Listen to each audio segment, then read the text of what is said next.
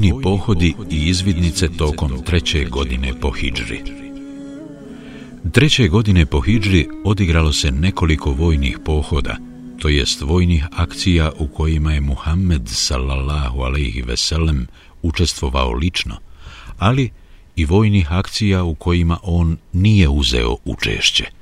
Pohod na Zu Emer Treća godina po Hidžri otpočela je ovim vojnim pohodom. Naime, poslanik sallallahu alaihi veselem doznao je da se skupina pripadnika klana Benusa Leba bin Muharib, koji pripadaju plemenu Gatafan, okupila kod bunara Zu Emer, koji se nalazi u Neđdu, i to s ciljem da povedu rat protiv muslimana. Zbog toga im je poslanik sallallahu alaihi veselem izašao u susret na čelu vojske koja je brojala 450 boraca. Krenuo je u četvrtak 19. Rebiul Evela treće godine po Hidžri, a kao namjesnika u Medini ostavio je Osmana bin Afana radijallahu anhu. Vojska nije prekidala marš sve dok ne stigoše do Zu Emera, gdje se i ulogoriše. U međuvremenu, Arapi koji su se prethodno okupili na tom mjestu s ciljem da organizuju napad na poslanika sallallahu alaihi veselem i protiv njega otpočnu rat, razbježaše se i skrovište potražiše u okolnim brdima. Uskoro je počela i jaka kiša od koje se muslimanskoj vojsci okvasila odjeća, a poslanik sallallahu alaihi veselem kada se ovlažila i njegova čista odjeća, sjede ispod jednog drveta i raširi je, kako bi se što prije osušile. Mušrici koji su se skrivali po vrhovima okolnih brda i brežuljaka, ugledaše poslanika samog i nezaštićenog, pa se jedan od njih, po imenu Gavres bin Haris ili Dusur bin Haris, koji je bio jedan od najhrabrijih mušnika, i najvatrenijih pobornika borbe, zaputi ka poslaniku sallallahu alaihi veselem i priđe mu sasvim blizu. I sukavši sablju, on upita poslanika sallallahu alaihi veselem O Muhamede, ko će te danas od mene zaštititi? Već se bio pripremio da sabljom zada udarac, kada mu poslanik sallallahu alaihi veselem odgovori – Allah će me od tebe zaštititi.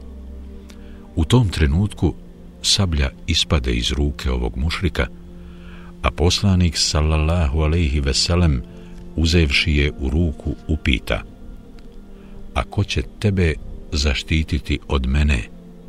Čovjek odgovori Niko. Ja svjedočim da nema Boga osim Allaha i da je Muhammed njegov poslanik. Allahom ti se kunem da nikada više neću biti od onih koji se bore protiv tebe.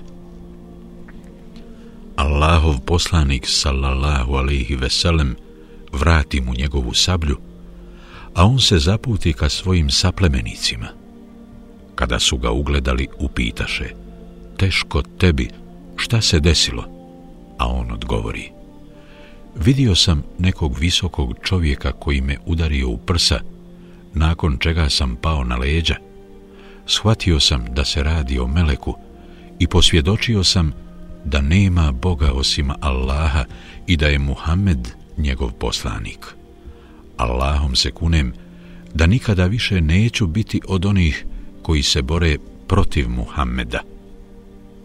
Cijeli događaj u ovoj verziji bilježi Ibn Kesir, El Bidaja Ven Nihaja, 4, 2 do 3.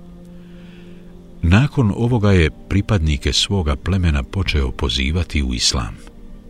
U vezi sa ovim i sličnim događajima uzvišeni Allah objavio je. يا أيها الذين آمنوا اذكروا نعمة الله عليكم إذ هم قوم أن يبسطوا إليكم أيديهم فكف أيديهم عنكم واتقوا الله وعلى الله فليتوكل المؤمنون. Vjernici, sjetite se Allahove blagodati prema vama, kada su neki ljudi htjeli da vas se dočepaju, a on je zadržao ruke njihove.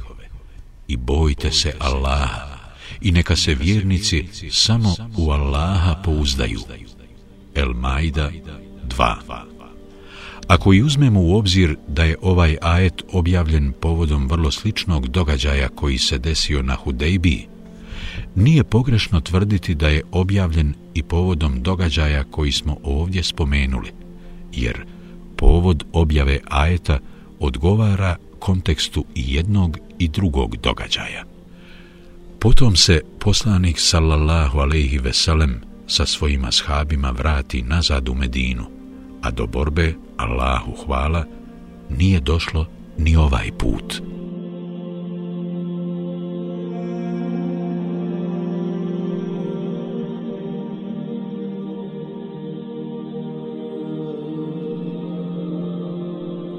Pohod na Furu U Bahranu, koji se nalazi u okolini Furua u Hidžazu, počeli su se okupljati pripadnici klana Benu Sulejm s namjerom da se organizuju i oružano sukobe s Muhammedom sallallahu alaihi veselem.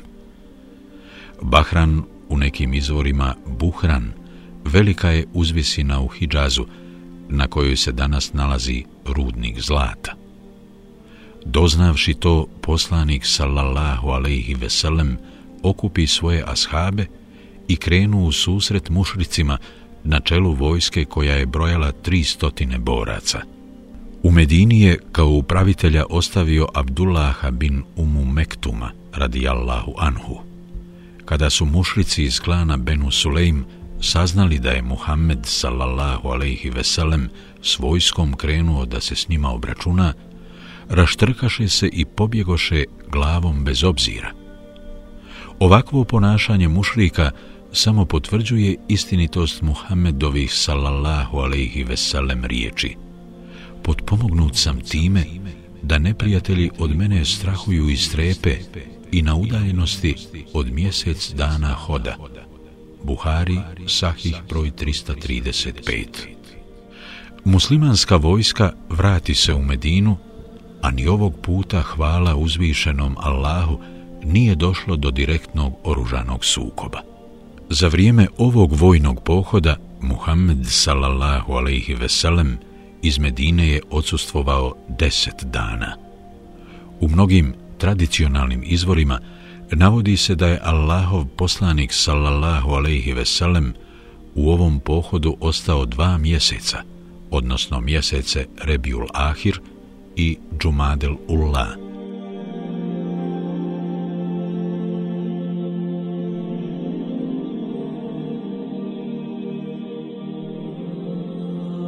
Zaključci, pouke i poruke Prvo, poslanik sallallahu alaihi veselem pokazao je u ovom pohodu svoju odlučnost, čvrstinu i energičnost.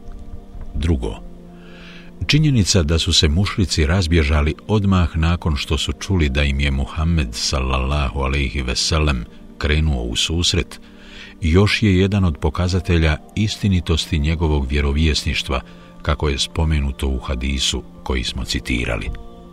Treće, plemeniti ashab Abdullah bin Umu Mektum bio je posebno odlikovan na što ukazuje činjenica da ga je poslanik sallallahu alejhi ve sellem više puta za vrijeme svog odsustva iz Medine određivao za imama i upravitelja.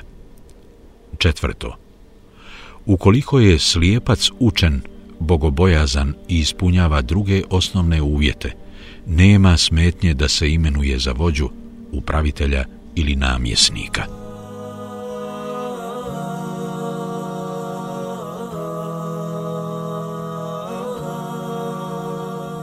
Izvidnica Zejda bin Harise Nakon velikog poraza koji su pretrpjeli na Bedru, Kurejšije shvatiše da više nisu u stanju adekvatno štititi svoje trgovačke karavane ukoliko budu prolazile već ustaljenim rutama, odnosno putevima koji se nalaze na relativno maloj udaljenosti od Medine i vode ka Mekke.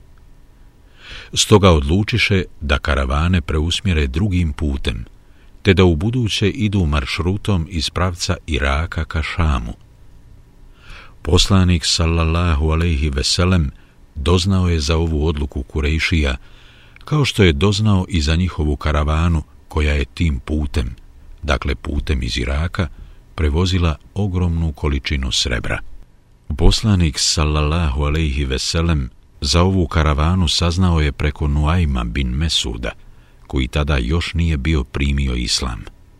Naime, on je došao u Medinu i sjeo sa Kinanom bin Rebijom bin Ebu Hukajkom i još nekolicinom jevreja.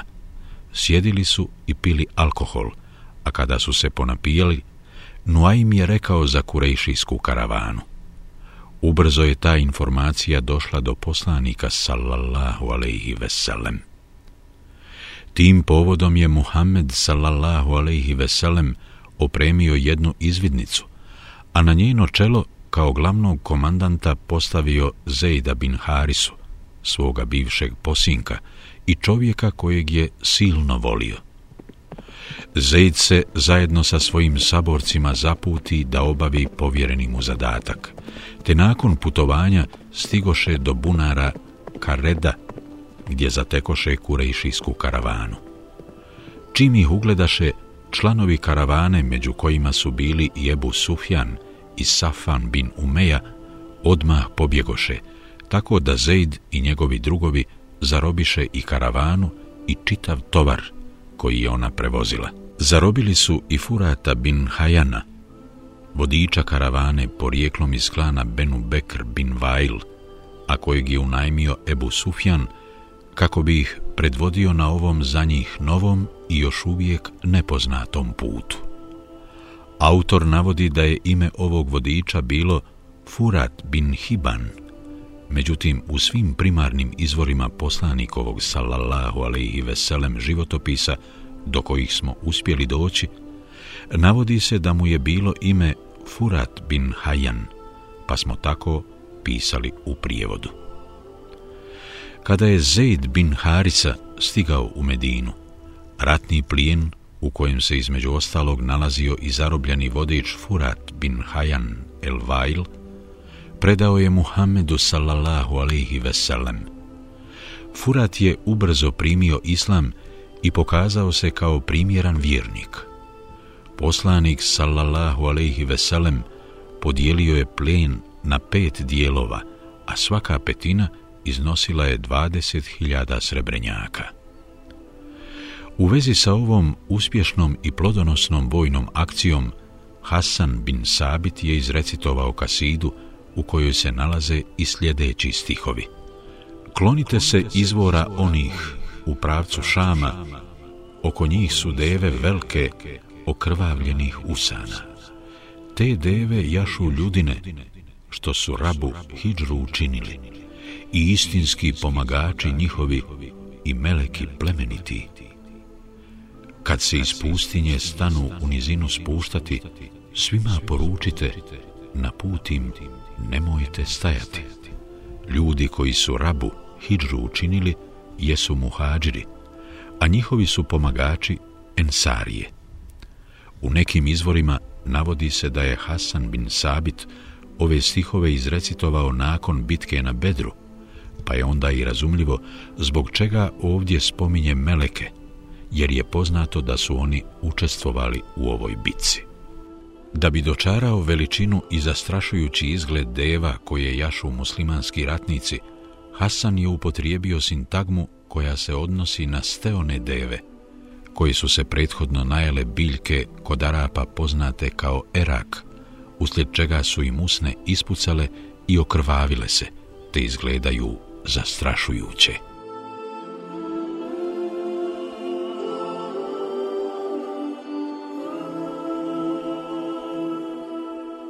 Zaključci, pouke i poruke.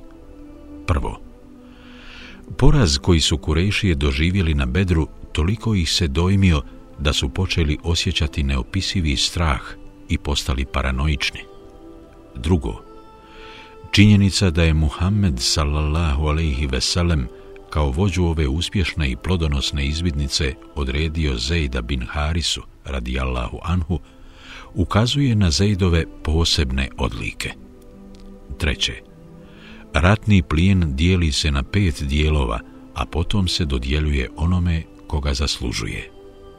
Četvrto, Allahov poslanik sallallahu alejhi ve sellem obično bi regrutovao muhađire kada se radilo o vojnim pohodima i borbenim akcijama izvan granica Medine, dok bi Ensarije često poštedio, jer se Ensarije, shodno dogovoru postignutom prilikom prve prisege na Akabi, na takvo nešto nisu ni obavezali.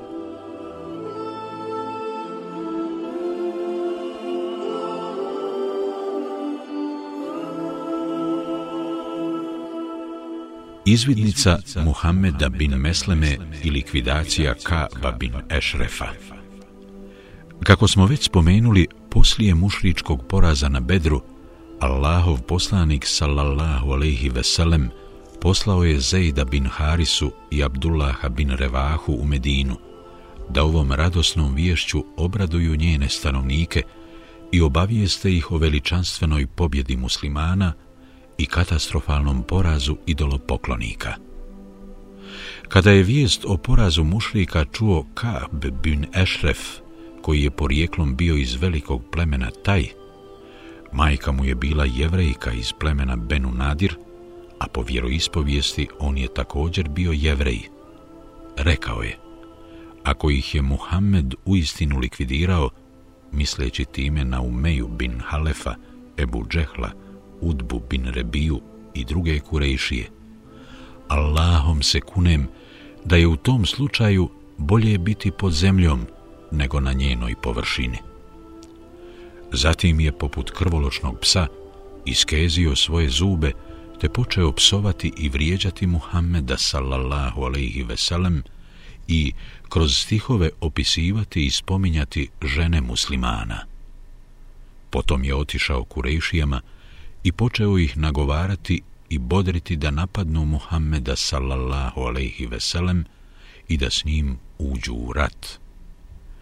Kurejšije ga ugostiše i okupiše se oko njega, a on je sve vrijeme psovao i vrijeđao poslanika sallallahu alaihi veselem i muslimane. Upitaše ga o tome šta misli o vjeri muslimana, a on im odgovori, vaša vjera bolja je od vjere Muhammedove. Tako im je ovaj prokletnik lagao i obmanjivao ih, a u vezi sa ovim slučajem je uzvišeni Allah objavio sljedeći ajet. Alam tara ila allazina utu nasiban min alkitabi yu'minuna bil jibti wat taguti wa yaquluna lillazina kafaru haulai ahda min allazina amanu sabila. Zar ne vidiš one kojima je dat jedan dio knjige kako u kumire i šeitana vjeruju, a o neznabošcima govore, oni su na ispravnijem putu od vjernika. En Nisa 51 Uzvišeni Allah objavom je obavijestio svoga poslanika o tome šta je Kaab govorio, šta je uradio i šta je namjeravao učiniti. Aktivnosti koje je poduzeo nisu bile ništa drugo do poziv neprijateljima da napadnu muslimane, što je predstavljalo grubo kršenje sporazuma o miru i nenapadanju koji je Muhammed sallallahu alaihi veselem prethodno potpisao sa jevrejima. Sve ovo bio je i više nego dovoljan razlog da Ka'b bin Ešref bude likvidiran. Poslanik sallallahu alaihi veselem obrati se nekolicini svojih ashaba – ko će smaknuti Ibn Ešrefa. Muhammed bin Meslema, koji je bio iz klana Benu Abdul Ešhel, reče, ja ću to obaviti, Allahov poslaniče, ja ću ga ubiti. Poslanik sallallahu alaihi veselem uzvrati, obavi to ako i kako možeš, a on odgovori, Allahov poslaniče, ako hoćeš da to odradimo, onda će biti nužno da pričamo šta želimo. Ovim su tražili dozvolu da Kabu pričaju neistine kako bi ga obmanuli, namamili u klopku i tako ga lakše likvidirali. Pričajte i govorite šta vam je volja i šta mislite da je potrebno. To vam je dopušteno, odgovori im poslanik sallallahu alaihi veselem. Nakon toga, s ciljem da likvidiraju Ka'ba bin Ešrefa, okupiše se Muhammed bin Meslema, Silkan bin Selama, koji je bio Ka'bov brat po mlijeku, Abad bin Bišr, Haris bin Evs i Ebu Abs bin Džebr, koji je porijeklom bio iz klana Benu Harisa, te se zaputiše ka Ka'bu. Kada su stigli na domak utvrde u kojoj je boravio, naprijed propustiše Silkana bin Selamu, kojeg su zvali Ebu Naila, te on sam ode Kabu i uđe u njegovo utvrđenje. Kod njega je sjedio neko vrijeme, pričali su i jedan drugom citirali poeziju, jer su i jedan i drugi bili poetske duše. Potom mu Silkan reče, nego, sine Ešrefov, ja ti dođoh s jednom potrebom. Želio bih ti se povjeriti, ali te molim da nikome ništa ne govoriš. I bit će tako, reče Kaab, a Silkan nastavi. Dolazak ovog čovjeka samo nam je nevolje donio. Zbog njega nam Arapi postadoše neprijatelji i zajednički na nas iz jednog luka strijele ispaljuju. Na putevima nas presreću, čeljad nam zbog toga gladuje i svi se muče. Kaab tada reče, ja sam sin Ešrefov, o Ibn Selama, Allahom se kunem da sam ti unaprijed rekao da će se desiti onako kako ti sada govoriš, da se stvari odvijaju. Silkan mu reče, ja samo želim da nam prodaš hranu, ostavit ćemo ti nešto u zalog, imamo povjerenje u tebe. Kaab ga upita, a pristajete li da mi kao zalog date svoje sinove? Je li ti to želiš da nas vrijeđaš i omalovažavaš? Pitanjem uzvrati Silkan i nastavi. Ja imam još nekoliko drugova koji dijele moje mišljenje. Mislio sam ih dovesti kod tebe pa da i njima prodaš hranu i da prema njima lijepo postupiš. Kao zalog ostavit ćemo ti naše oružje i sigurno ćemo ispuniti našu obavezu prema tebi. Silkan je ciljano ponudio oružje kao zalog kako pri njegovom unošenju u utvrdu niko ništa ne bi posumnjao. Zatim ka breče. Prihvatam oružje kao zalog i vjerujem da ćete biti dosljedni u izvršavanju preuzete obaveze. Nakon razgovora Silkan se vrati svojim drugovima i potankom im ispriča šta se i kako desilo. Reče im da uzmu svoje oružje te da se opet okupe kod njega tako i bi. Potom zajedno odoše kod poslanika sallallahu alaihi veselem, a on s njima ode do medinskog mezarja Bekija, okrenu se prema njima, učeći dovu, reče Gospodaru moj, pomozi im. Nakon toga poslanik sallallahu alaihi veselem vrati se kući, a oni odoše kako bi obavili povjereni im zadatak. Išli su tako sve dok ne stigoše do Kabove utvrde. Silkan ga zovnu, a on se odazva, te izađe za ogrnut svojim plaštom. Kab se inače bio tek oženio, pa ga je žena nastojala zadržati u utvrdi i sve vrijeme ga je nagovarala da ne izlazi, govoreći mu. Ti si čovjek koji je u sukobu s drugima, pa kako smiješ izlaziti u ovo gluho doba? a on joj odgovori, to je Ebu Najla. Da zna da spavam, ne bi me ni probudio. Tako mi Allaha, ja u njegovom glasu slutim zlo i nevolju, reče ona. Međutim, Kab se nije osvrtao na njene riječi, već izađe u susret Silkanu i njegovim drugovima, te kratko s njim porazgovara. Silkan mu potom reče šta misliš, o sine Ešrefov, da prošetamo po periferiji Medine i razgovaramo ostatak ove noći. Ako tako želite, pristade Kab, te krenuše baš kako su se dogovorili. Kada su malo podmakli, Silkan rukom dotaknu kabove solufe, pomirisa ih i reče Nikada nisam osjetio ovako lijep miris, te nastaviše hodati i dalje. Nakon nekog vremena on opet prođe rukom kroz kabovu kosu i učini što i prvi put, kako ovaj ništa ne bi posumnjao. Kada su još malo odmakli, Silkan i treći put dotaknu rukom Kaabovu kosu, međutim, sada ga čvrsto ščepa i povika. Udrite Allahovog neprijatelja, te ga prisutni izudaraše sabljama, ali ga ne ubiše na licu mjesta. Pripovjedajući nam kako se dalje odvijao ovaj događaj, Muhammed bin Meslema kaže Kada sam vidio da ga naše sablje nisu dokrajčile, sjetio sam se bodeža koji sam nosio uz sablju. Uzeo sam ga i zario ga upredio između kabovog pupka i spolnog organa i tako ga rasporio. Ovaj Allahov neprijatelj toliko je zavrištao i zapomagao da u okolini nije ostala ni jedna jedina utvrda u kojoj odmah nije zapaljena vatra. Kab pade mrtav na zemlju, a mi se brzo udalji smo od njegovog leša i odosmo svojim putem. Jedan od nas je prilikom zadavanja udarca Kabu nehotično ranio Harisa.